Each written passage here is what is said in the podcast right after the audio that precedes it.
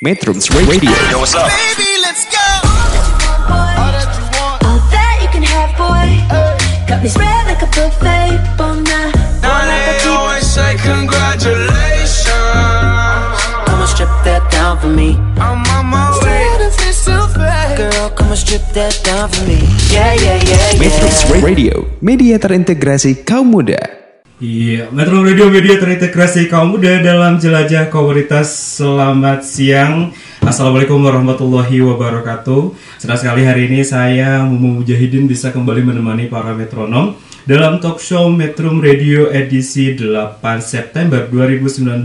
Seperti biasa selama 2 jam ke depan saya akan menemani para metronom dari pukul eh, 14 waktu Indonesia Barat sampai sore hari nanti tepat pukul 16 waktu Indonesia Barat. Nah, di edisi kali ini eh, seperti biasa hari Minggu siang eh, saya sudah ditemani oleh eh, Flora Fauna Indonesia dan sudah hadir di ruangan saya ada koordinator Flora Fauna Jawa Barat Mbak Nadia Andriani. Halo, selamat siang Mbak Nadia. Selamat siang. Oke, harusnya berdua ya. Iya harusnya berdua, cuman ternyata yang satu terjebak masih terjebak di Ciamis. Oke, masih Setelah jauh ya bagi- iya, Ciamis. setelah bagi tugas tadi, kebetulan ada acara juga di sana. Gitu. Oke siap. Jadi hari ini cuman eh, Mbak Nadia aja seorang. Baik. Tapi em, hari ini kita bakal ngobrol apa sih Teh? Hari ini kita akan ngobrolin tentang burung. Burung. Ini eh, tema kita hari ini Perburungan. perburungan. Iya. Dunia tanpa kicau. Asik Iya. banget tuh judulnya. Dunia tanpa kicau. Oke. Kayaknya bakal menarik banget ini eh, obrolan kita hari ini. Kita akan ngobrolin tentang perburungan yang ada di Jawa Barat tentunya dan juga eh, di Indonesia sebagian di Indonesia mungkin ya seperti eh, seperti itu. Baik, sebelumnya em, saya nggak bosan-bosan buat mengajak para metronom untuk eh, memfollow akun Instagram kami eh semua media sosial kami ada Instagram, terus kemudian ada juga eh, Facebook, kemudian Twitter, kemudian juga Pinterest di @metrum.co.id. Jangan lupa follow dan juga eh, apa namanya kepoin semua media sosial kami. Terus kita juga ada channel YouTube Metrum Radio. Jangan lupa like, subscribe, kemudian share dan juga komen video-video kami. Dan terakhir ada juga eh, podcast kami Metrum Radio di anchor.fm. Jangan lupa di sana banyak sekali podcast-podcast kami tentang siaran-siaran kami sebelum-sebelumnya seperti itu. Baik, teman-teman saya juga tidak lupa mengajak para metronom untuk em, apa namanya diskusi bersama kami. Jangan lupa teman-teman silakan para metronom untuk eh, bertanya atau mungkin mau tanya-tanya boleh sama eh, Kak Nadia atau Mbak Nadia di di ruangan saya tentang tema kita hari ini dunia tanpa kicau. Mungkin mau yang bertanya terkait eh, perburungan silahkan di WhatsApp kami di 0856 2121 029. Sekali lagi di 0856 2121 029. Silakan boleh eh, kirimkan pertanyaan formatnya nama, alamat, terus kemudian pertanyaan. Atau mau request lagu juga boleh, silahkan nanti di akhir segmen akan kita eh, bacakan dan akan kita putarkan. Baik, sebelum eh, kita lanjut diskusi bersama dengan Mbak Nadia dari Fauna Indonesia, Jawa Barat, ada sebuah lagu dulu dari Ran dengan Dekat di Hati. Jadi akan ke mana-mana, tetap di Metro Radio, media terintegrasi kaum muda dalam jelajah komunitas. Metrums Radio. Media terintegrasi kaum muda Cause I can't get enough. Iya, Metro Radio Media terintegrasi kaum muda dalam jelajah komunitas. Halo, selamat siang Eh, para metronom yang baru bergabung. Kami ucapkan selamat datang, selamat eh, mendengarkan eh, talk show Metro Radio di edisi Minggu 8 September 2019. Masih bersama dengan saya Mumu Mujahidin dan juga eh, rekan saya atau eh, apa namanya pembicara kita hari ini ada Mbak Nadia dari Flora Fauna Jawa Barat. Em, seperti janji saya tadi, kita bakal ngobrolin masalah perburungan dan judul apa tema kita hari ini sangat menarik sekali eh, dunia tanpa kicau. Nah ini kita akan tanyakan kepada Mbak Nadia apa sih dunia tanpa kicau ini, gitu kan? Eh, seberapa eh, ini kalau kita lihat ya, kalau kita lihat dari eh, temanya saja ya dunia tanpa kicau tuh kayak negatif gitu sebenarnya. Negatif. Tapi nanti kita akan bahas lagi tentunya lebih eh, lanjut bersama dengan Mbak Nadia. Sebelumnya eh, saya akan uh, tak bosan-bosan mengundang para metronom untuk eh, berdiskusi bersama kami. Silakan eh, kirimkan pertanyaan teman-teman eh, kepada Metrum Radio melalui WhatsApp kami di 085621211029 dengan format nama kemudian eh, alamat dan juga pertanyaan seperti itu. Em, langsung saja mungkin ya, Mbak Nadia. eh, tadi kan kita udah apa namanya sudah chit chat sih sedikit gitu ya tentang eh, tema kita hari ini. Tapi mungkin bisa di eh, apa namanya dari awal dulu deh gitu kan. Mungkin apa sih sebenarnya burung itu gitu ya. Kemudian eh, apa sebenarnya fungsi burung di di lingkungan itu seperti apa gitu? Mungkin bisa dijelaskan. Kalau secara ilmiah kan burung itu termasuk dalam aves ya. Mm-mm. Eh, aves itu kan pengertian sederhananya bahwa eh, apa namanya eh, memiliki bagian-bagian seperti paruh, kemudian saluran pencernaan yang berbeda, kemudian eh, memiliki eh, tubuh ditutupi bulu bulu-bulu yang berongga. Yang Oke. rongganya itu tujuannya salah satunya untuk terbang. Ter- Mm-mm. Nah, ada persepsi yang salah di masyarakat Mm-mm. eh, antara bulu dan rambut. Oke. Oke, kalau bulu, kalau di burung kita sebutnya bulu, tapi kalau di kucing kita nyebutnya juga bulu. Bulu, ha, Padahal benar. rambut.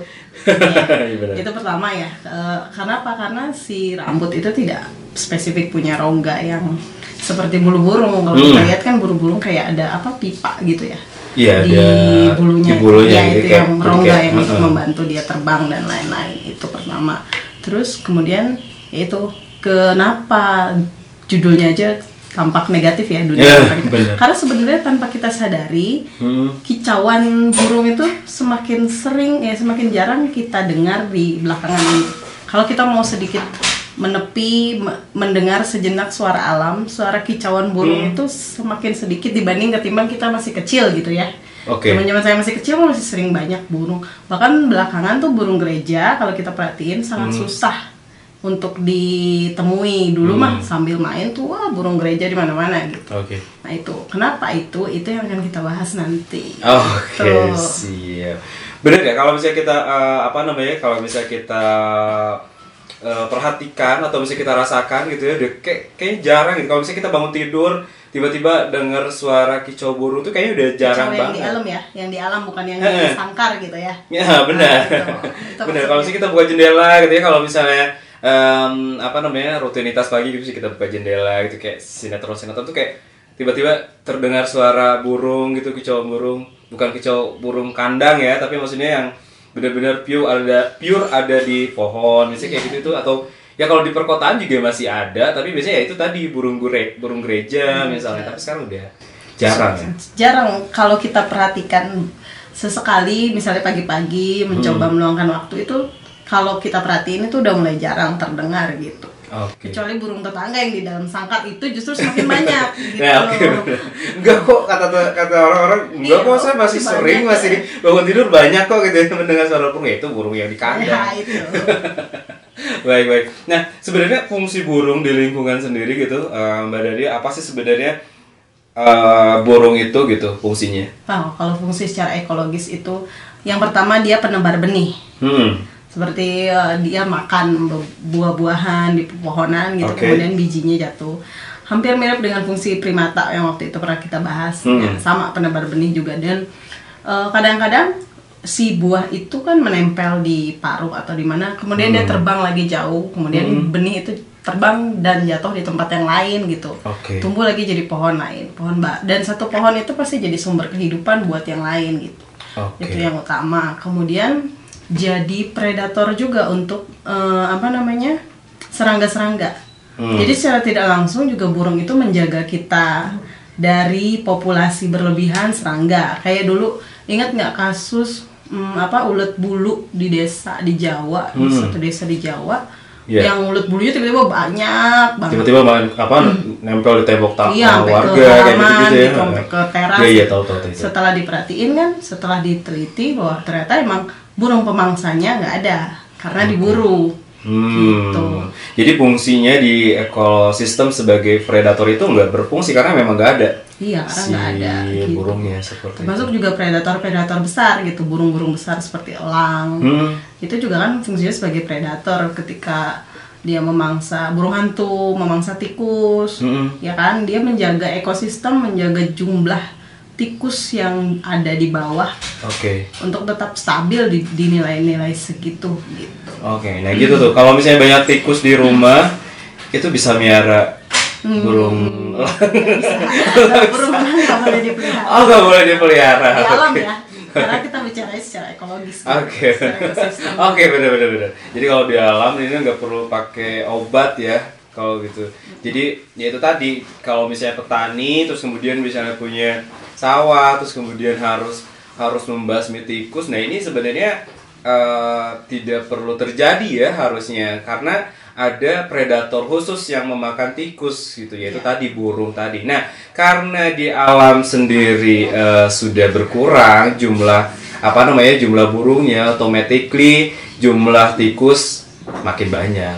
dan juga akhirnya si predator yang di atas burung juga kehilangan makanan yang biasa makan burung-burung kecil gitu Hmm. kan kehilangan makanan juga gitu kalau jumlah burungnya berkurang gitu Oke. artinya nggak hanya satu sisi ke bawah tapi sisi ke atas juga akan terganggu gitu karena rantai makanan tuh kan bulat ya Hmm. kalau putus satu ya putus terganggu semuanya gitu Oke, begitu. Jadi si predator pemangsa burung karena burungnya juga juga sudah nggak ada, otomatis juga terputus ya. Nah ini makanya jadi kalau misalnya eh, salah satu hilang, si rantai makanan di eh, alam itu bakal terputus. Oke, baik. Terus kemudian em, satu lagi mungkin Mbak Nadia sebelum kita break ada eh, pertanyaan berapa eh, jenis yang burung sih sebenarnya yang mungkin kalau ada angka gitu atau misalnya ada angkanya berapa sih jumlahnya gitu Profauna mungkin mencatat Nah, gitu. Di Jawa Barat atau di Indonesia mungkin di bisa? Indonesia. Jadi ada ada apa ya kita namanya sebenarnya ada ke-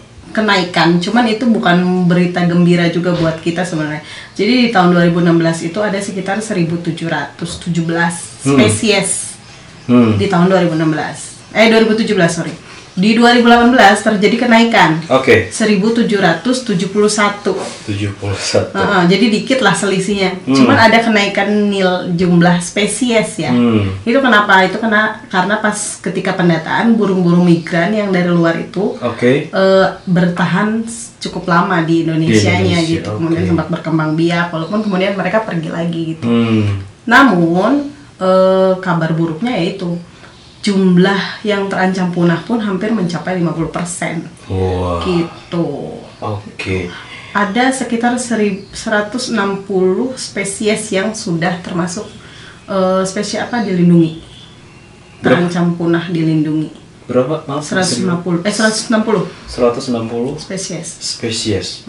Itu banyak dari mulai dari mulai sam, dari mulai apa kakatua ya. Hmm. baru bengkok sampai maleo itu udah masuk daftar 160 spesies wow ini yang terancam terancam punah punah. Wah, ini banyak sekali ternyata.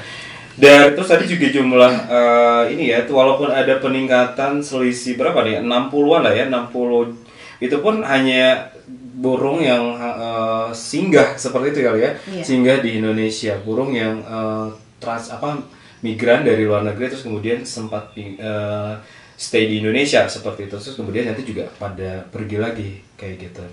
Baik, ini ternyata eh, informatif sekali bahwa tadi ya bahwa fungsi burung di ekosistem itu itu tadi sebagai satu selain selain apa penebar benih penebar benih eh, tanaman ya penebar benih tanaman. Terus kemudian juga tadi sebagai predator bagi serangga terus kemudian predator sebagai predator tikus jadi kalaupun kebayang dong ya kalau misalnya si burung ini tiba-tiba di apa namanya di lingkungan hilang atau misalnya diburu oleh eh, orang yang tidak bertanggung jawab ini akan memutus rantai makanan di alam seperti itu. Baik, eh, nanti kita akan lanjutkan eh, perbincangan kita bersama dengan Profauna Indonesia. Kita akan eh, masuk ke segmen eh, dunia tanpa kicau. Nah, penasaran kan seperti apa? Mungkin eh, sebelumnya ada beberapa lagu dulu dari eh, siapa nih? Ada eh For Fairmore Side A dan masih banyak lagi sih sebenarnya. Jadi jangan ke mana-mana tetap di Metro Radio, media terintegrasi kaum muda dalam jelajah komunitas. Metrums Radio, Cause I can't get enough. media terintegrasi kaum muda. Ya, Metro Radio Media terintegrasi kaum muda dalam jelajah komunitas. Selamat siang, masih saya bersama saya Mumu Mujahidin dan juga Mbak Nadia dari Profauna Jawa Barat. Nah, em, seperti biasa saya mengingatkan para teman-teman metronom untuk eh, follow semua akun media sosial kami. Di i- ada Instagram, ada Twitter, ada Facebook dan juga Pinterest di @metrum.co.id dan jangan lupa untuk eh, follow juga atau eh, apa namanya eh, cek-cek di video-video kami di channel YouTube kami Metrum Radio. Jangan lupa like, subscribe dan juga komen dan juga eh, share video-video menarik kami. Dan terakhir juga jangan lupa untuk eh, kepoin podcast kami di anchor.fm yaitu ada eh, podcast Metrum Radio seperti itu. Dan terakhir eh, kami juga nggak bosan-bosan buat ngingetin para metronom untuk Eh, diskusi bersama kami silahkan eh, apa namanya kirimkan pertanyaan kepada kalau misalnya mau tanya-tanya kepada Mbak Dadia atau saya ke saya juga boleh atau mau request lagu juga boleh di 0856 Nah ini ada saya akan bacakan dulu sebuah ini apa ya ada WhatsApp masuk dari eh, 081395 sekian sekian nama dari Mas Arman dari Cirebon. Halo Mbak Nadia, salam kenal. Halo, salam kenal Mas Arman. ini pengen birding di wilayah Cirebon tapi nggak ada teman katanya. Adakah kawan-kawan Pro Fauna di Cirebon? Terima kasih. Ya, kalau di Cirebon kita eh, ada representatif kita namanya Freddy. Mungkin eh, bisa buka website Profauna, nanti di sana ada nomornya, boleh kontak ke ke beliau buat ngajakin ayo kita birding bareng-bareng karena si Freddy juga termasuk yang sering ke alam untuk birding dan bird watching gitu. Oke, jadi birding itu apa tuh, Mbak? Eh, jadi birding itu kita pengamatan. Nah, eh, pengamatan burung langsung di alamnya. Jadi bukan menikmati dari kandang, tapi langsung di alamnya. Oke. Modal kita mungkin bisa foto, eh kamera, bisa cuman teropong aja binokular gitu. Hmm, ya ya. ya. Eh, kita jalan ke mana, terus kita bisa menemukan oh ternyata burung ini ya begini ya bentuknya. Terus kita belajar itu belajar anatomi dan lain-lain langsung dari alamnya gitu. Oh, nah itu sangat disarankan ketimbang harus berburu dengan senjata, kita berburu dengan foto dan binokular apa teropong dan lain-lain. Nah, tuh bisa birding indah. bersama dengan Pro Fauna, teman-teman Pro Fauna. Jadi jangan jangan pakai senjata katanya. Jadi pakai binokular atau pakai teropong dan pakai cukup pakai handphone ya. Iya, itu juga bisa, bisa. seperti itu. Begitu, Mas Arman. eh silakan cek-cek aja apa websitenya Pro Fauna ya. Di situ ada apa namanya ada representatif eh Representatif. representatif ya Iya. ada supporter dari Profauna juga silakan mungkin bisa dihubungi orang-orang Profauna di Cirebon. Terus juga Mas Arman ini maaf sekali request lagu dong dari Pure Saturday. Pure Saturday-nya belum ada di playlist kami untuk eh, hari ini jadi mungkin bisa diganti nanti kita akan putarkan di akhir segmen. Begitu Mas Arman terima kasih di Cirebon jangan eh, bosan-bosan buat dengerin kami selalu sampai akhir nanti sampai pukul 16 sore hari nanti seperti itu. Baik, baik lagi ke Mbak Nadia. Mbak Nadia, jika tadi kan kita sudah bahas terkait apa itu burung, terus kemudian juga fungsi eh, eh, apa namanya fungsi burung di eh, apa di alam atau di ekosistemnya seperti apa. Terus kemudian juga tadi ada apa namanya jumlah jumlah burung ya, jumlah burung dari 2017 sampai 2018. Nah, seperti janji saya tadi, kita akan masuk ke segmen ini apa namanya segmen selanjutnya itu terkait tema kita hari ini eh, dunia tanpa kicau. Mungkin bisa dijelaskan mbak Nadia ini dunia tanpa kicau tuh apa sih sebenarnya gitu? Dari tadi kan kita sudah bahas sedikit ya di awal bahwa sebenarnya negat eh, tampak negatif gitu. Mungkin bisa dijelaskan nih mbak Nadia seperti apa? Iya, eh, berkurangnya jumlah burung belakangan ini itu Hmm. eh, ya itu menyebabkan dunia kita tuh seolah-olah tanpa kicau, kicau alami ya, kicau Oke. alami burung yang benar-benar di alamnya bukan di bukan di play sebagai sebagai peliharaan gitu. Hmm. Eh, ada faktor-faktor penyebab kenapa sih bisa dunia akhirnya eh, bukan bukan mustahil sih benar-benar dunia itu nggak ada kicauan bukan mustahil kalau kita lihat sekarang gitu eh, faktor-faktornya apa sih yang bikin burung tuh kemudian punah? Yang Hmm. pertama itu kan ada kerusakan lahan, eh, ketus kerusakan habitat Oke. habitat ya penebangan pohon, penebangan hutan liar secara liar dan Hmm, besar-besaran, kemudian eh, ya lahan yang kemudian dijadikan eh, tempat untuk manusia gitu kan, itu kan Hmm, juga pemukiman faktor ya. gitu pemukiman dan lain-lain. Kemudian ya perburuan gitu. Hmm. Dua faktor ini faktor terbesar penyebab hilangnya hampir menuju nggak sampai ya, jangan sampai benar-benar punah burung Oke. itu gitu. Hmm. Cuman penyebab berkurangnya yaitu dua penyebab besarnya. perburuan dan juga hilangnya Hilangnya habitat, habitat. eh, dari burung itu sendiri. Nah, ini eh, Mbak Dede kalau misalnya seperti ini gitu, ya, maksudnya kalau eh, ini sejak kapan sih gitu, maksudnya eh, Prof Fauna mencatat bahwa eh, apa namanya kita sudah mulai merasakan itu tadi hidup tanpa kicauan burung secara alami gitu ya, bukan burung Enggak kok saya masih mendengarkan bangun tidur saya masih mendengarkan kicau burung. Iya, itu yang dipelihara di Yang dalam di- kandang Iya di, di teras rumah. teras rumah atau milik tetangga gitu. Tapi yang secara alami gitu ya, maksudnya yang eh, apa namanya di hidup di alam. Nah ini Prof Fauna mencatat ini sejak kapan sih mulai berkurangnya eh, burung gitu di Eh, sepengamatan saya itu sejak empat tahun yang lalu lah. Itu mulai seiring kita tahunya dari banyaknya jumlah perdagangan yang berhasil digagalkan. Terutama kalau Profona itu kan salah satu fokusnya adalah burung parok bengkok di Hmm. daerah dari daerah timur Indonesia. karena itu eksotis banget ya, jadi Iya, otomatis burung banyak sekali tua, dicari. jambul kuning dan lain-lain itu kan sekarang makin meningkat orang permintaan orang untuk melihara itu kan. Gitu. Padahal di jumlah jadi alamnya sana eh apa namanya semakin berkurang juga gitu. Hmm. Gitu. Makanya eh, seperti yang sering kita omongin lah, semakin tinggi permintaan perdagangan akan semakin se- banyak yang diambil dari alam gitu. Oke. Gitu.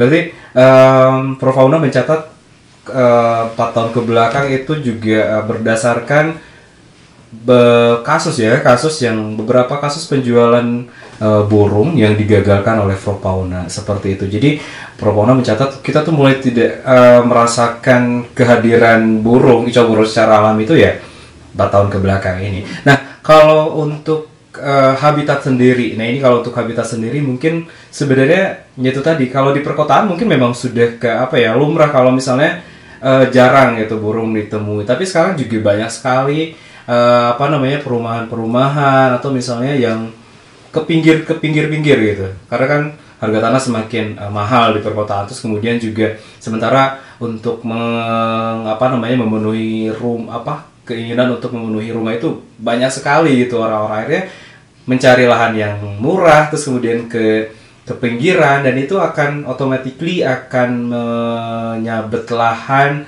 atau eh, hijauan gitu. Nah ini eh, seperti apa kalau Mbak Dadia lihat gitu, maksudnya untuk habitat sendiri. Ya, eh, untuk habitat sendiri ya itu semakin semakin ya semakin terdesak lah populasinya. Dulu kita sempat eh, mengadvokasi populasi burung eh, apa namanya burung apa sih namanya yang di Gede Bagi itu kuntul burung kuntul. Burung kuntul ya yang, Mm-mm. eh, yang putih. itu Hmm, hmm. kan memang ada tuh di Gede Bage itu Iya. di ada satu rumpun yang mereka berhidup berdampingan dengan kampung Oke. gitu. Eh, Kampung adat itu ya? Eh, enggak kampung biasa. Oh, kampung biasa. Cuman rumpun bambunya memang dibiarin sama penduduknya. Hmm. Jadi kemudian jam jam sekitar jam 5 mereka mulai terbang ke arah bahkan eh, tertangkap data itu mereka bisa sampai ke arah Tasik untuk mencari makan Oke. gitu. Eh, kemudian belakangan di daerah tersebut dibangun perumahan, Perumahan- besar. Perumahan mewah ya. Nah, perumahan besar lah ya yang, yang katanya sih bakal kota satelit atau apa Hmm. gitu. Mulai terusik, kemudian kita lihat jam biologis mereka pun mulai terganggu karena Oke. ada Aktivitas apa, pembangunan. aktivitas pembangunan itu kan, Hmm. suara-suara beko atau apa itu dari yang biasanya jam 5 udah pada pergi ke arah timur, Hmm. itu jam 8 mereka masih di sana karena emang terganggu kan polanya siklusnya terganggu gitu dan ya itu akhirnya terdesak mereka Oke. terdesak dan apa saya lupa nama burungnya apa ya nanti kalau ingat saya sebut ya Ah, burungnya kemudian gini ada juga eh, burung-burung burung rangkong Hmm. yang paruhnya kuning itu di daerah Kalimantan Kalimantan ya. itu kan diburu hanya untuk diambil si yang kayak ga- gadingnya itu Hmm. itu diambil juga isi dalamnya kalau bagus ya itu yang dijual kalau enggak ya udah mati mati aja burung itu sia-sia padahal Oke. burung itu udah eh, endemik Indonesia kemudian Hmm. terancam gitu terbayang belum lagi sekarang yang tren yang sekarang Hmm. burung kontes-kontes burung berkicau Oke. itu juga semakin itu kalau kita bahas mungkin nanti akan ada satu sesi khusus karena memang itu udah jadi lingkup yang berbeda gitu kalau untuk Oke, burung siap. berkicau kasus-kasusnya gitu Oke, nanti kita akan bahas berarti tentang burung berkicau. Mbak, Mbak Nadia, kalau Prof. Fauna sendiri selain eh, mencatat dari tadi eh, apa namanya populasi burung yang semakin menurun, sebenarnya terus ada ini nggak sih? Saya pernah baca waktu itu di beberapa media bahwa eh, ditemukan jenis spesies baru. Ada nggak sih kalau misalnya eh, kalau kita kan dulu kemarin eh, kemarin juga kita sempat bahas eh, tentang orang utan yang ternyata ada eh, spesies baru. hmm, tapanuli Nah itu. Nah apakah untuk jenis baru juga burung juga kasusnya sama gitu? Maksudnya tidak hanya eh, apa namanya tidak hanya populasi yang menurun, tapi juga ada eh, populasi yang di, apa jenis spesies baru yang ditemukan. Ada nggak sih kalau Forfauna mencatat itu nggak?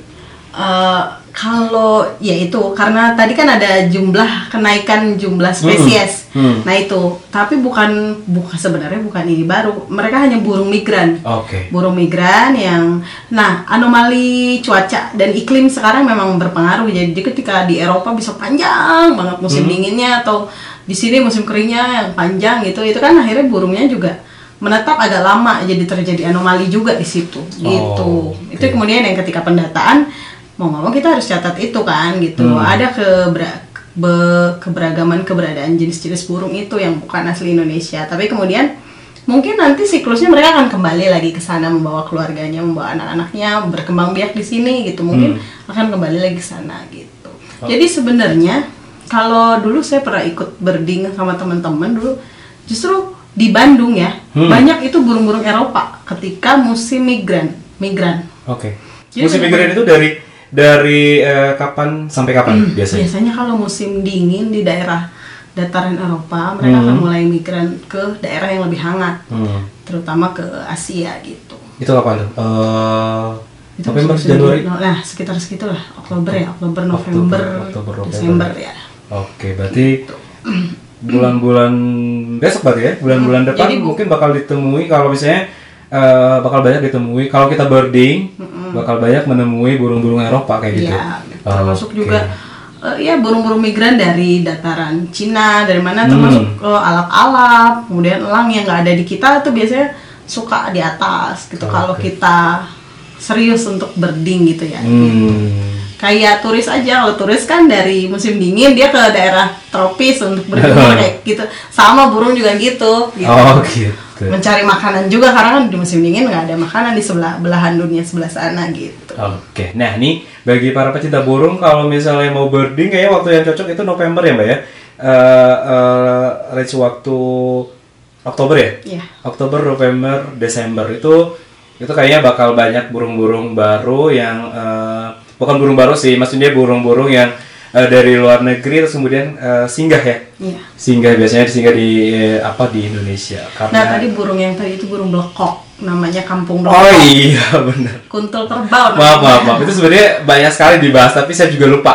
iya bubulkus Eh, Bibis, gitu. Oke, ya benar-benar. Nah ini pak, kalau misalnya eh, pernah nggak sih kalau Profauna mencatat ada berapa eh, apa spe, apa berapa berapa jumlah eh, belekok yang ada di kampung belekok itu? Hmm, kalau data jumlah enggak. Hmm. belum ada data kita. Karena emang ya itu karena begitu kita advokasi itu udah ternyata eh, ya itu akhirnya juga berkurang berkurang dan pindah ke daerah-daerah timur gitu. Karena si ininya udah akhirnya saya nggak tahu terakhir saya belum melihat ke sana karena kabarnya udah pohon-pohonnya juga udah nggak ada gitu. Karena itu berbatasan banget dengan pemukiman yang akan dibangun itu. Hmm. gitu padahal bertahun-tahun mereka hidup berdampingan dengan Warga. warga. Kita tuh kalau dulu ya menjelang maghrib itu cukup naik ke atas masjid di kampung itu, cukup berdiri di situ mereka pulang pulang satu dan itu deket banget jaraknya dengan mata gitu, Pengamatan seperti itu udah asik banget ya mbak. ya? asik banget.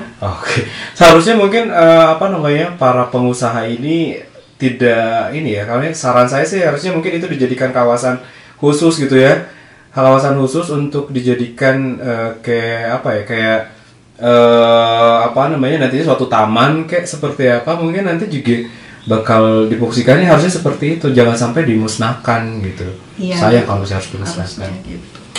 Baik, namanya eh, diskusi kita masih panjang, eh, tapi kita harus break dulu, harus istirahat dulu. Di depan ada ah, siapa nih? Ada Lenny Williams dengan Cause I Love You. Jangan ke mana-mana, tetap bersama saya Mumu Jadi dan juga Mbak Nadia dari Provolta Jawa Barat. Tetap di Metro Radio, media terintegrasi kaum muda dalam jelajah komunitas. Metrums Radio, media terintegrasi kaum muda. Can't get enough. Ya, Metro Radio Media terintegrasi kaum muda dalam jelajah komunitas. Selamat siang. Barusan ada ABBA dengan Dancing Queen ya, walaupun lagu lama tapi asik banget ini buat didengerin siang-siang kayak gini. Gimana Mbak Dina semakin sore, semakin, sore kali ya, bukan siang tadi saya salah. Baik, semakin sore kayaknya semakin eh, menarik sekali. Ini banyak sekali WhatsApp yang masuk ke Metro Radio. Nanti kita akan bacakan satu-satu. Em, sebelumnya eh, apa namanya saya akan bacakan ini dari eh, ini panjang banget nih dari 0 82 0821 78 sekian sekian Mas Jidan dan hari ini eh, setia banget ya dengerin kita ini juga kayaknya supporter Pro Fauna atau gimana nih calon supporter kali ya. Iya, calon supporter amin. Ini banyak sekali nih, saya bacakan dulu ya Mbak Dede ya. Fakta bahwa burung berkicau sekarang ini banyaknya di pasar burung. Kalau kita lihat jumlahnya sangat banyak dan sangat mungkin eh, itu hasil perburuan alam dan perkampungan penduduk. Kalau kita masuk hutan jauh lebih sepi. Kalaupun ada banyak, kalaupun ada hanya sedikit jenis tertentu seperti tekukur, kutilang dan sebagainya. Nah, mohon pencerahan mengapa hal ini bisa terjadi? Bukankah perburuan liar ini dilarang?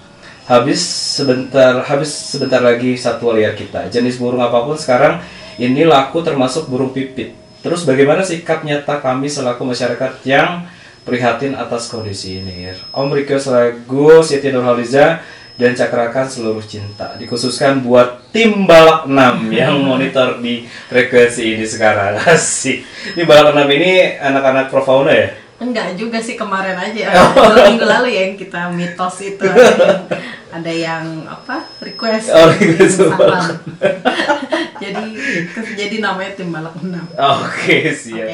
Mas Zidan baik eh, nanti kita akan eh, carikan dulu lagunya. Nanti kita akan putarkan di segmen. Dan silakan Mbak Dadia tadi pertanyaannya eh, mohon pencerahannya cenah katanya eh, apa bukankah perburuan liar ini dilarang terus bagaimana sikap nyata kami selaku masyarakat awam yang prihatin atas kondisi ini ya eh, perburuan memang dilarang dan diatur oleh undang-undang kemudian sikap kita sebagai masyarakat yang pertama yang akan selalu Profona himbau adalah eh, kita sebagai masyarakat untuk tidak memelihara Oke. Karena dengan tidak memelihara berarti kita tidak membeli, kita tidak melakukan permintaan ke pasar. Artinya Oke. ketika tidak ada permintaan ke pasar, tidak ada perburuan di sana gitu. Hmm. Itu hal konkret yang sepele, sekali kecil tapi bisa kita lakukan. Dan kalau banyak orang yang melakukan akan berimbak berdampak besar sebenarnya, permintaan, itu. iya. Konkretnya sih itu nggak usah muluk-muluk lah kita harus ngejar eh, ada ada ada tahapan ada bagian-bagiannya harus ngejar pemerintah lah atau apalah Hmm. tapi kita sebagai masyarakat awam itu aja dulu yang paling kita lakukan gitu Oke. kemudian ketika menemukan ada tetangga memelihara terutama satwa liar dilindungi ya Hmm. kita laporkan. Lapornya ke mana? Boleh minta bantuan Profauna gitu buka Hmm. website Profauna itu di seluruh Indonesia ada perwakilan-perwakilan yang bisa dihubungi. Oke. Kalau ada eh, apa namanya yang memelihara satwa liar dan lain-lain gitu. Atau langsung ke balai besar konservasi sumber BKSDA. daya alam BKSDA di wilayah masing-masing gitu. Oke. Itu Ke langkah konkret dan eh, sangat simpel untuk tidak memelihara burung. Nah, Seperti terus kalau kita misalnya tinggalnya di pinggir-pinggir, Hmm. kemudian kita melihat perburuan nih, Oke. belakangan marak, bahkan Profona menemukan beberapa data, ada kita data bahwa ada pemburu yang kadang tiap weekend itu bahkan pakai truk di Hmm. drop bisa 20 orang yang dibawa pakai truk kemudian ditaruh di satu titik kemudian bawa-bawa senapan angin dan lain-lain gitu. Kalau kayak gitu gimana? Jangan bertindak sendiri. Oke. Laporkan lagi gitu. Karena mereka bawa senjata, kita masyarakat awam tidak bersenjata kan. Hmm. Laporkan ke pihak berwenang terdekat gitu. Oke. Kalau di desa laporkan ke aparat desa, kalau bisa laporkan ke BKSDA bahkan ke polisi. Hmm. Bisa juga minta bantuan ke eh, lembaga-lembaga seperti Profauna gitu. Tapi kayak aktivitas seperti itu memang kayak terbiasa gitu. Jadi masyarakat juga kalau lihat ya udah kayak biasa aja gitu mbak. Jadi dibiarkan aja. Nah, biasanya justru masyarakat yang benar-benar ada di lingkungan itu paham. Hmm. Dan biasanya masyarakat akan ya lagi-lagi ya itu karena satu sisi pihaknya bersenjata sementara masyarakat tidak bersenjata. Oke. Ya itu harus laporkan. Biasanya masyarakat tahu karena mereka tahu eh, masyarakat di sekeliling itu tahu burung apa yang ada di sekitar hutan, di sekitar Hmm. tempat tinggal mereka. Ketika hilang aja nggak nggak kelihatan lagi mereka akan tahu itu di mana, ke mana perginya gitu. Justru masyarakat masyarakat lokal itu justru menjaga. Jarang sekali kami menemukan pemburu itu dari masyarakat lokal. Oke, biasanya Jarang. masyarakat luar Bukan ya? berarti nggak ada ya, tapi jarang. Berarti justru yang datang tuh datang dari luar daerah bahkan. Kayak di Jawa Barat itu datangnya dari Jawa Tengah, dari sekitar-sekitar perbatasan Jawa Barat gitu. Oke, baik. Seperti itu Mas Jidan dari Atapani eh, triknya. Jadi kalau misalnya eh, langkah yang simpel sebenarnya hanya itu tadi ya. Jadi eh, stop eh, untuk tidak memelihara burung di rumah seperti itu. Kalaupun misalnya ada tetangga terus kemudian juga melihat aktivitas eh, apa namanya aktivitas perburuan di sekitar eh, lingkungan kita itu laporkan pihak berwajib, pihak desa atau misalnya pihak eh, polsek setempat dan juga tadi bisa ke BKSDA atau misalnya bisa juga menghubungi Profauna Indonesia biar nanti bisa diadvokasi Iya, seperti dibantu itu dibantu oleh uh, Profauna Indonesia. Begitu Mas Jidan. Uh, mudah-mudahan uh, tidak puas nanti nanti ditanya lagi. Nanti nanya lagi biar rame nanti diskusi kita. Baik uh, Mbak Nadia nyambung ke hal tadi sama pertanyaan dengan Mas Jidan tadi kan kata Mbak Nadia bahwa ada perburuan liar uh, menggunakan senjata nah ini biasanya selain menggunakan senjata biasanya perburuan perburuan liar ini menggunakan apa saja gitu biasanya tool-tool yang mereka gunakan Nah, eh, biasanya itu paling banyak itu dipakai jaring. hmm. Jadi jaring besar dipak dipasang di titik-titik lintasan burung yang yang dituju yang diburu gitu. Hmm. Kemudian burung-burung itu kan terjerat di situ. Resiko burungnya patah sayap atau apa juga emang ada gitu. Hmm. Cuman memang hasilnya lebih besar. Terus kemudian satu lagi teknik yang paling sering adalah dilem.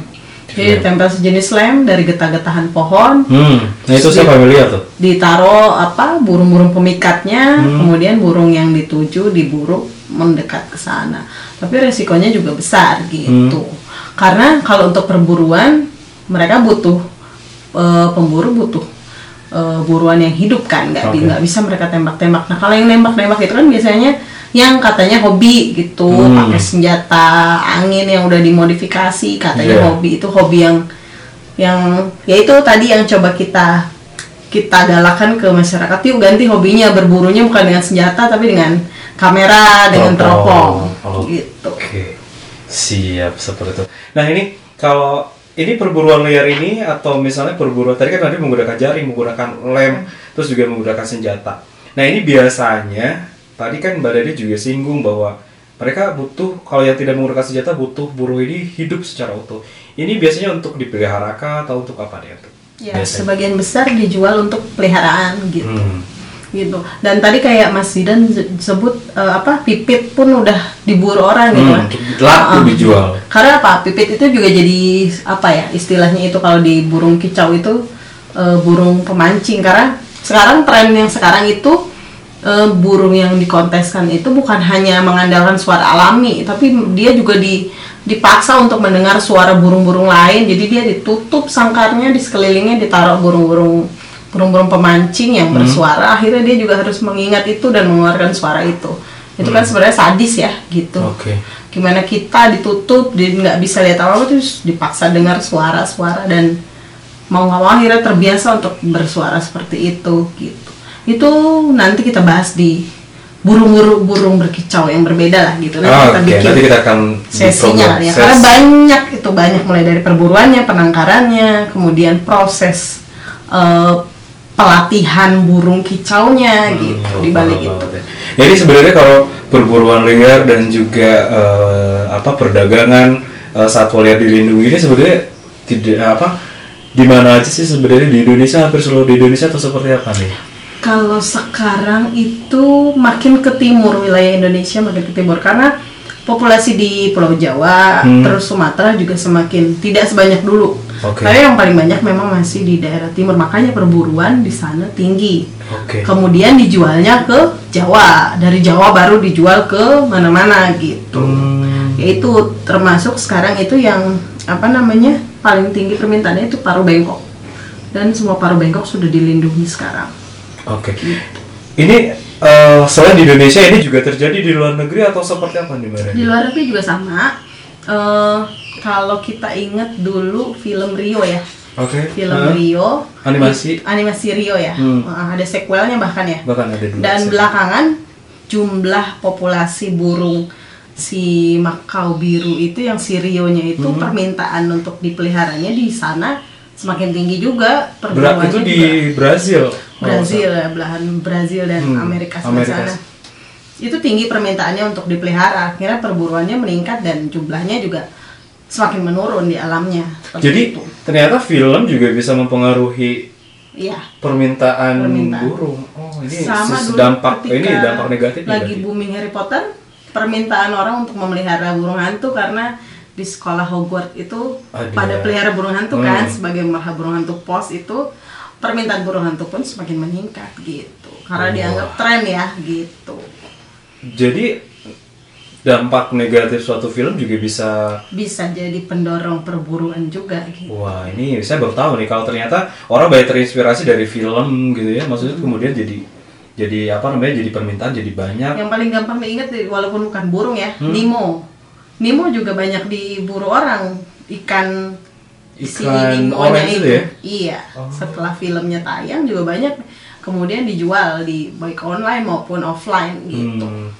Nah, ini Itu salah benar-benar. satu dampak film negatif dari televisi. film gitu ya seperti itu ya Iya. dampak negatif film terus bisa bisa meningkatkan perburuan hewan ternyata di luar sana baik karena dia terus em, apa namanya selain apa namanya selain mempengaruhi tadi apa namanya ekosistem terus kemudian juga populasi film film-film jadi harusnya seperti apa sih mbak kalau misalnya harus kita eh, ini kan jadi apa ya jadi dilematis itu satu sisi industri juga membutuhkan eh, apa namanya ini. Tapi satu sisi dampaknya negatif terhadap terhadap apa namanya terhadap keberlangsungan hewan tersebut yang difilmkan. Ini seperti apa harusnya? Nah, mungkin di akhir film mungkin saya rasa untuk diberi sedikit kredit title, tulisan Hmm. bahwa burung edukasi lah intinya di ujung Oke. film ada edukasi bahwa ini adalah jenis ini, bahwa ini bukan untuk dipelihara dan lain-lain. Mungkin itu satu ide yang eh,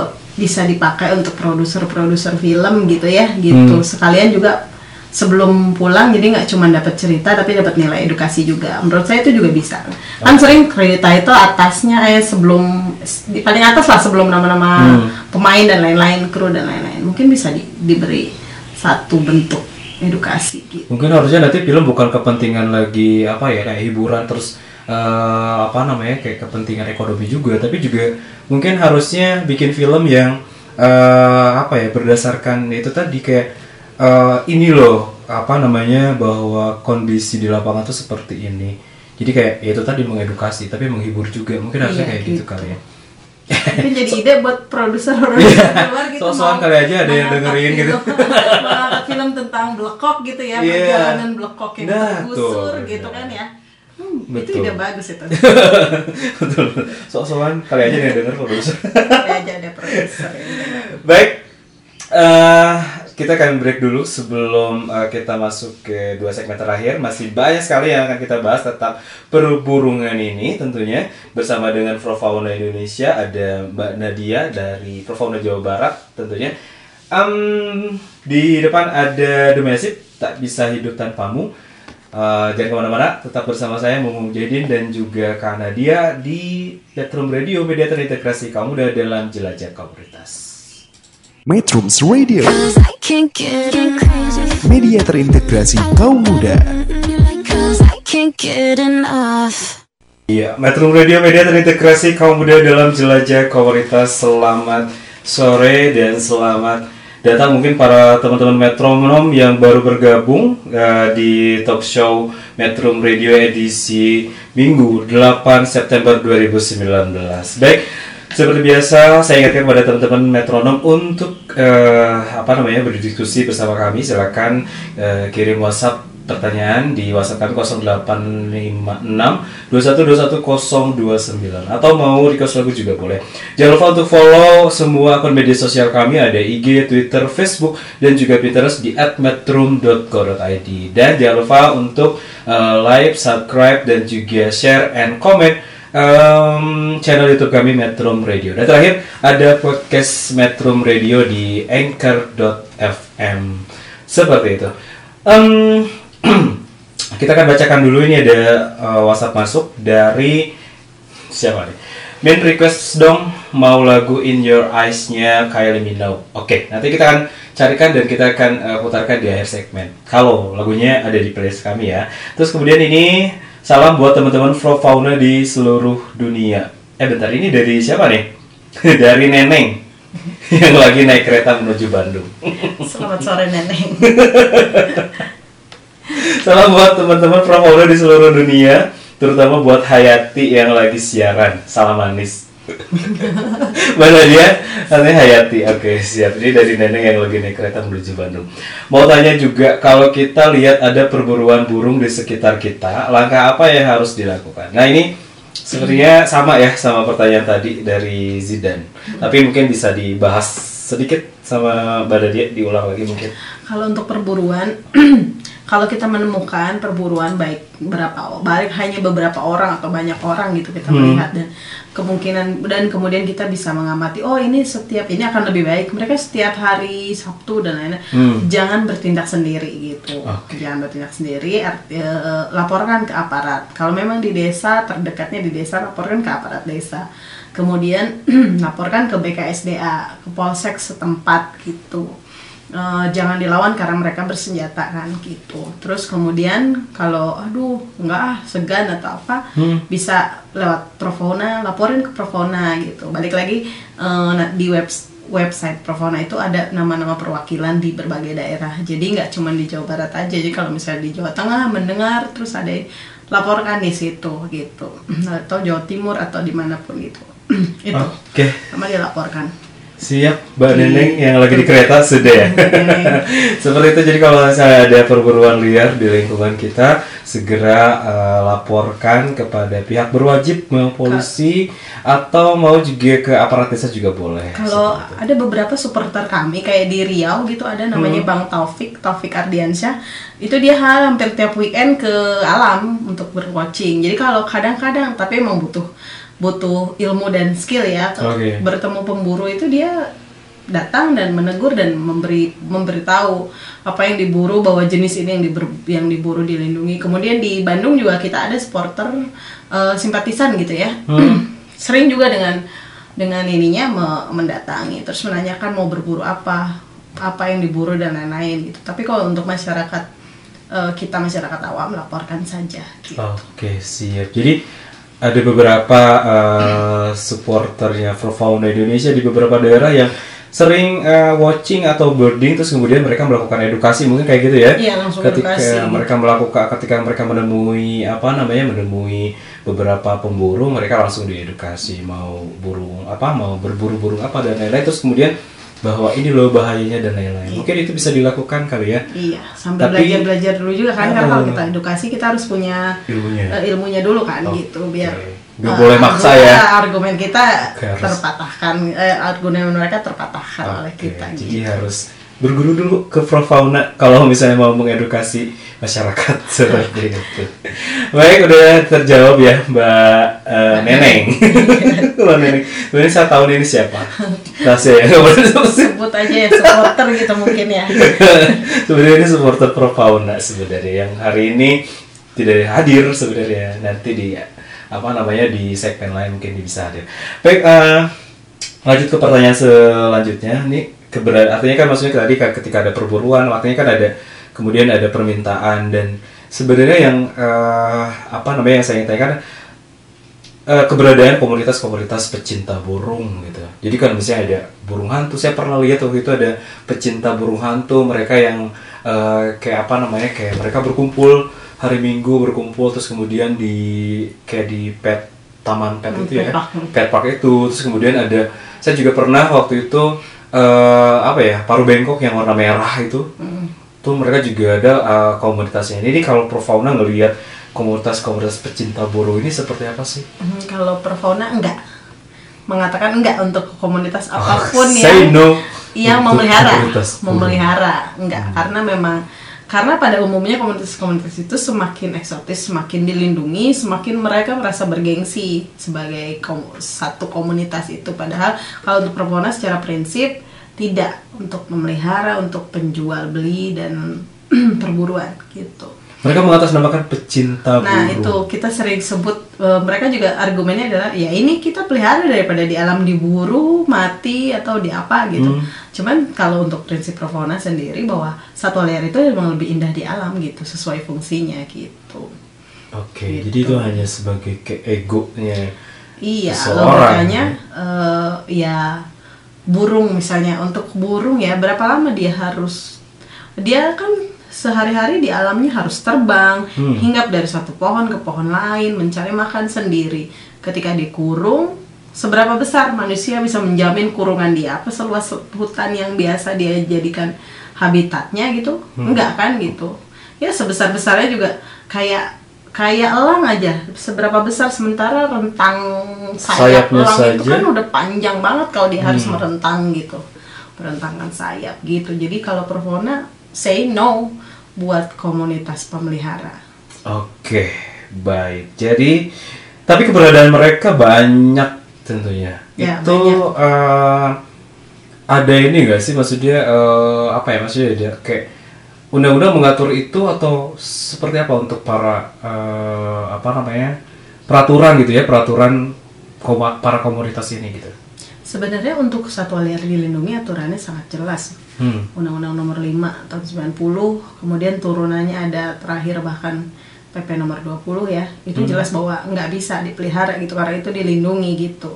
Sebenarnya cuman ya memang balik lagi jumlah aparat kita pun terbatas dengan jumlah tugas yang bukan hanya itu, hanya Hmm. mengurusi komunitas dan lain-lain gitu. Nah, Profauna fungsinya salah satu yaitu membantu dengan edukasi gitu. Oke. Yuk, kalau mau penyerahan, mau mengembalikan, kita bantu untuk memfasilitasi ke balai gitu atau mau langsung sendiri ke BKSDA silahkan gitu.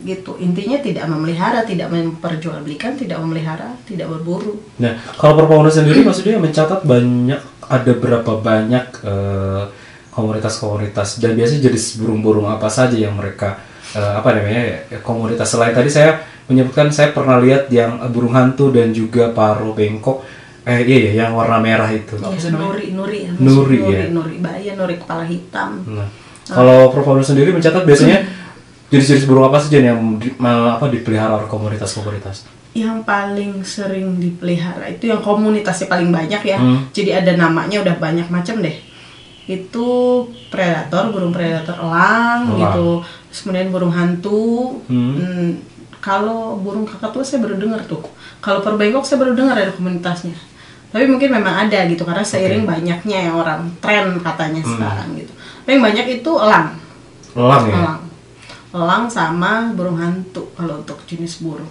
Oke. Soalnya kalau misalnya eh, saya juga dulu gitu kita baik tuh balik lagi ke topik kita tadi bahwa eh, dunia tanpa kicau gitu ya dunia tanpa kicau. Belakangan saya memang udah nggak lihat lagi gitu ya. Kalau dulu misalnya lihat elang gitu di langit di atas langit kayak berputar-putar gitu. Saya kan rumahnya di daerah dekat pegunungan gitu ya di di kampung saya di sana. Nah, itu beberapa tahun ke belakang saya sih memang sudah nggak lihat lagi eh, si aktivitas burung elang gitu. Dulu kan sampai ada nyanyiannya kalau anak-anak kecil tuh ada kalau ada burung elang di atas langit itu mereka nyanyi gitu kan. Nah sekarang udah nggak ada aktivitas itu karena memang eh, saya juga sudah nggak lihat lagi gitu si si burung elang yang beraktivitas di atas langit. Ya itu karena sampai saat ini permintaan akan elang itu masih tinggi gitu. Jadi perburuannya sudah yakin akan tinggi juga gitu dan bahkan sekarang bukan hanya elang dewasa yang diburu untuk dijual beli justru anaknya gitu. Ada sebutan-sebutannya di komunitas kalau saya Oke. kurang paham. Teman saya satu lagi yang paham ada juve ada apa gitu ya. Eh, untuk nyebut yang pemula dan lain-lain masih bayi itu bahkan dijual gitu. Bahkan kita pernah investigasi mencoba mengorek Oke. gitu di salah satu pasar di Jawa Barat. Kita coba ini kalau elang Jawa punya nggak? Gitu. Punya eh, tunggu aja kalau mau kasih waktu gitu bahkan mau bayinya pun bisa gitu. Yang bulunya belum belum sempurna kan belum belum tumbuh dan lain-lain tuh bisa gitu. Bahkan bayinya pun dijual gitu. Oke. dan itu terbayangkan hanya pemburu-pemburu yang terlatih yang bisa mengambil itu. Karena kan orang menaruh anaknya tuh di puncak pohon yang tinggi. Biasanya kan tinggi tinggi pohonnya yang ditaruh tuh untuk melindungi anaknya kan kebayang gimana cara ngambilnya gitu. Oke. Ini berarti eh, ini termasuk eh, mahal berarti nantinya. Iya, ini semakin mahal. Waktu itu saya, waktu itu kita investigasi, coba mengorek harganya 900.000 ribu untuk anaknya kalau nggak salah. Wow. 900.000 ribu, terus dia minta Wow, DP dulu wow. gitu. Gitu. Parah, parah, parah. Tapi kalau kalau indukannya berarti lebih mahal atau gimana? Eh, yang paling mahal itu yang biasanya masih muda. Yang masih bayi itu? Hmm, yang bisa dilatih sama mereka kan. Oh. Sama kolektor itu bisa bisa dilatih. Karena biasanya kalau yang udah besar makin susah untuk melatihnya gitu. Oke, siap. Nah ini kalau misalnya dari kemarin juga kita sudah beberapa kali ngobrol dengan Flor Fauna bahwa walaupun sudah diatur dengan undang-undang tentang eh, satwa liar dilindungi ini, tapi ya itu tadi eh, produk hukum ini belum belum efektif eh, bisa menjerat para eh, apa namanya orang-orang yang tidak bertanggung jawab di luar sana. Karena selain eh, biasanya juga itu tadi pengawasannya yang kurang karena memang tadi kata Mbak Rinda juga dibahas bahwa personilnya memang sedikit dan tidak cuma ngurusin komunitas burung saja gitu ya, tapi banyak sekali yang harus di eh, diawasi dan dan lagi-lagi juga biasanya memang eh, apa ya kayak sed- eh, produk hukum ini jadi kayak eh apa ya tidak memberikan efek jerak gitu ya jadi cuma enam bulan eh, Tiga bulan, tiga bulan kurungan terus kemudian dendanya juga 200 juta padahal harga 100 burung juta atau bahkan. misalnya maksimal 100 juta. maksimal 100 Denda juta penjaranya, penjaranya kurungannya lima tahun maksimal. maksimal dan itu jarang ya sampai setahun aja udah jarang Iya, Biasanya setahun cuman- itu udah oh, tepuk tangan lah udah itu, tepuk tangan, Pro lah. Paula tepuk tangan kalau ada yang dijerat sampai satu Iya. tahun. Karena jarang sekali, biasanya cuma tiga bulan, bahkan cuma lima bulan paling ya, Iya. kayak gitu. Dan dendanya maksimal cuma 100 juta. Padahal tadi aja jenis eh, apa namanya burung elang bayinya dijual 900 ribu. Padahal kalau misalnya dalam apa namanya dalam jumlah banyak. Nah, bisa itu pemburunya dapatnya berapa? Rata-rata pemburu tuh dapatnya 50 sampai 150 ribu satu ekor untuk paruh bengkok ya, untuk kayak kakak tua, Hmm. jambu kuning. Itu rata-rata pemburu hanya punya hanya dapat 50 ribu sampai 150 ribu per ekor. Oke. Dapat ke tangan penada, tangan penada pertama, kedua, sampai di kita tuh harganya bisa 5 juta, bisa dua setengah juta, kebayang nggak gitu? Bahwa Wow. sebenarnya kita juga dibodohi oleh pedagang yang dapat jaringan apa yang dapat ini besar adalah pedagang di di di lingkaran pedagang yang dapat untung besar Ini gitu. untung besar ya. Karena modalnya apa? Nggak ada modal apa-apa untuk perburuan untuk Mereka cuma perdagangan. nyuruh pemburu. Iya, nyuruh pemburu. Mereka Nggak cuma perlu ngeluarin modal banyak untuk kayak kalau pabrik kita produksi Hmm. gitu. Kalau ini ngambil lagi dari alam gitu kan. Alamnya ya punya kita, Oh, punya oke. kita semua gitu. Nah, ini bahaya nih kalau misalnya harus tetap dibiarkan ya. Iya. Baik, semakin menarik sekali tampaknya, tapi waktu juga sudah mepet sekali. Nanti cuma bersisa apa namanya satu segmen lagi. Mungkin nanti kita akan tanya upaya preventif apa saja yang dilakukan oleh Fauna terkait eh, kelestarian dari burung. Eh, upaya-upaya apa saja yang mereka lakukan gitu untuk mempertahankan agar si burung ini tetap eh, berkicau di luar sana, di dunia sana. Jadi jangan ke mana-mana, tetap eh, bersama saya Mumu Mujadi dan juga Mbak Nadia di Metro Radio, media terintegrasi kaum muda dalam jelajah komunitas. Metrums Radio, Cause I can't get crazy. media terintegrasi kaum muda. Cause I can't get enough. Ya, Metro Radio Media terintegrasi kaum muda dalam jelajah komunitas. Tak terasa sudah semakin sore, artinya eh, kebersamaan saya bersama dengan Mbak Dadia di eh, apa namanya di talk show Metro Radio edisi Minggu 8 September 2019 juga sudah eh, mau berakhir ya akhirnya. Tapi eh, tadi sudah banyak sekali yang kita apa namanya yang kita bahas terkait perburungan ini dan ini belum selesai ya. Nanti kita akan bahas lagi eh, terkait perburuan atau terkait burung-burung ini eh, bagaimana nanti di apa namanya di program selanjutnya. Baik, eh, menutup dari obrolan kita ke Mbak Dadia mungkin eh, upaya preventif apa yang bisa atau yang sudah dilakukan oleh eh, Profauna sendiri untuk eh, kelestarian demi kelestarian daripada burung-burung ini agar dunia ini masih bisa mendengarkan kicauan. kicauan agar dunia masih penuh kicauan ya Iya, gimana nih? Eh, kalau preventif yang Profona sudah lakukan seperti sebelumnya yaitu Profona edukasi ke masyarakat termasuk lewat program talk show di Metro Mini Oke. edukasi untuk memberi tahu atau mengingatkan kembali masyarakat mungkin ada yang udah tahu tapi lupa gitu Hmm. kita edukasi gitu dan nggak bosen Profona berpesan kepada masyarakat untuk tidak memelihara Oke. itu dulu aja tidak memelihara dengan tidak memelihara berarti tidak membeli gitu. Hmm. Kalau misalnya ah ini ada yang ngasih hadiah eh, mungkin bisa diambil tapi kemudian diserahkan ke pihak yang berwenang gitu. Oke, dikasih Gitu dia aja ya. memutus mata rantainya dari hal simpel seperti itu aja dulu kita Hmm. nggak usah terlalu ngawang-ngawang jauh pengen ini ini itu ke pemerintah protes Hmm. apa kita dulu aja ngelakuin dari diri sendiri gitu. Karena hal kecil ketika dilakukan oleh banyak orang atau akan menjadi besar gitu. Oke, siap. Seperti itu. Baik, em, nampaknya eh, waktu sudah menunjukkan waktu eh, pukul 16 lebih 10 menit, tapi nggak apa-apa. Em, akhir kata mungkin saya eh, mohon maaf apabila banyak kesalahan. Saya juga Mbak Nadia juga mohon maaf apabila eh, ada yang kurang-kurang. Jadi eh, mudah-mudahan minggu depan kita akan bertemu lagi di apa namanya di talk show Metro Radio bersama dengan Prof Fauna Jawa Barat dengan tema yang berbeda. Tapi kita tetap bakal eh, masih ngebahas tentang burung ya, Mbak ya. Iya, Kita bakal tetap bahas masih membahas burung. Masih burung termasuk burung berkicau dan tadi kita sedikit bicara tentang elang ya. Oke. Predator gitu. burung predator. Nah, ini juga banyak sekali yang akan kita bahas tentang burung predator dan juga eh, kicau ya. Iya. Burung berkicau. Burung berkicau. Oke. Baik, em, akhir kata saya Mumu Mujahidin dan juga Mbak Dadia pamit undur diri. Eh, tetap di Metro Radio, media terintegrasi kamu dalam jelajah komunitas. Metro Radio. Baby, let's go. All that you can have, boy. Got me spread like a buffet, bon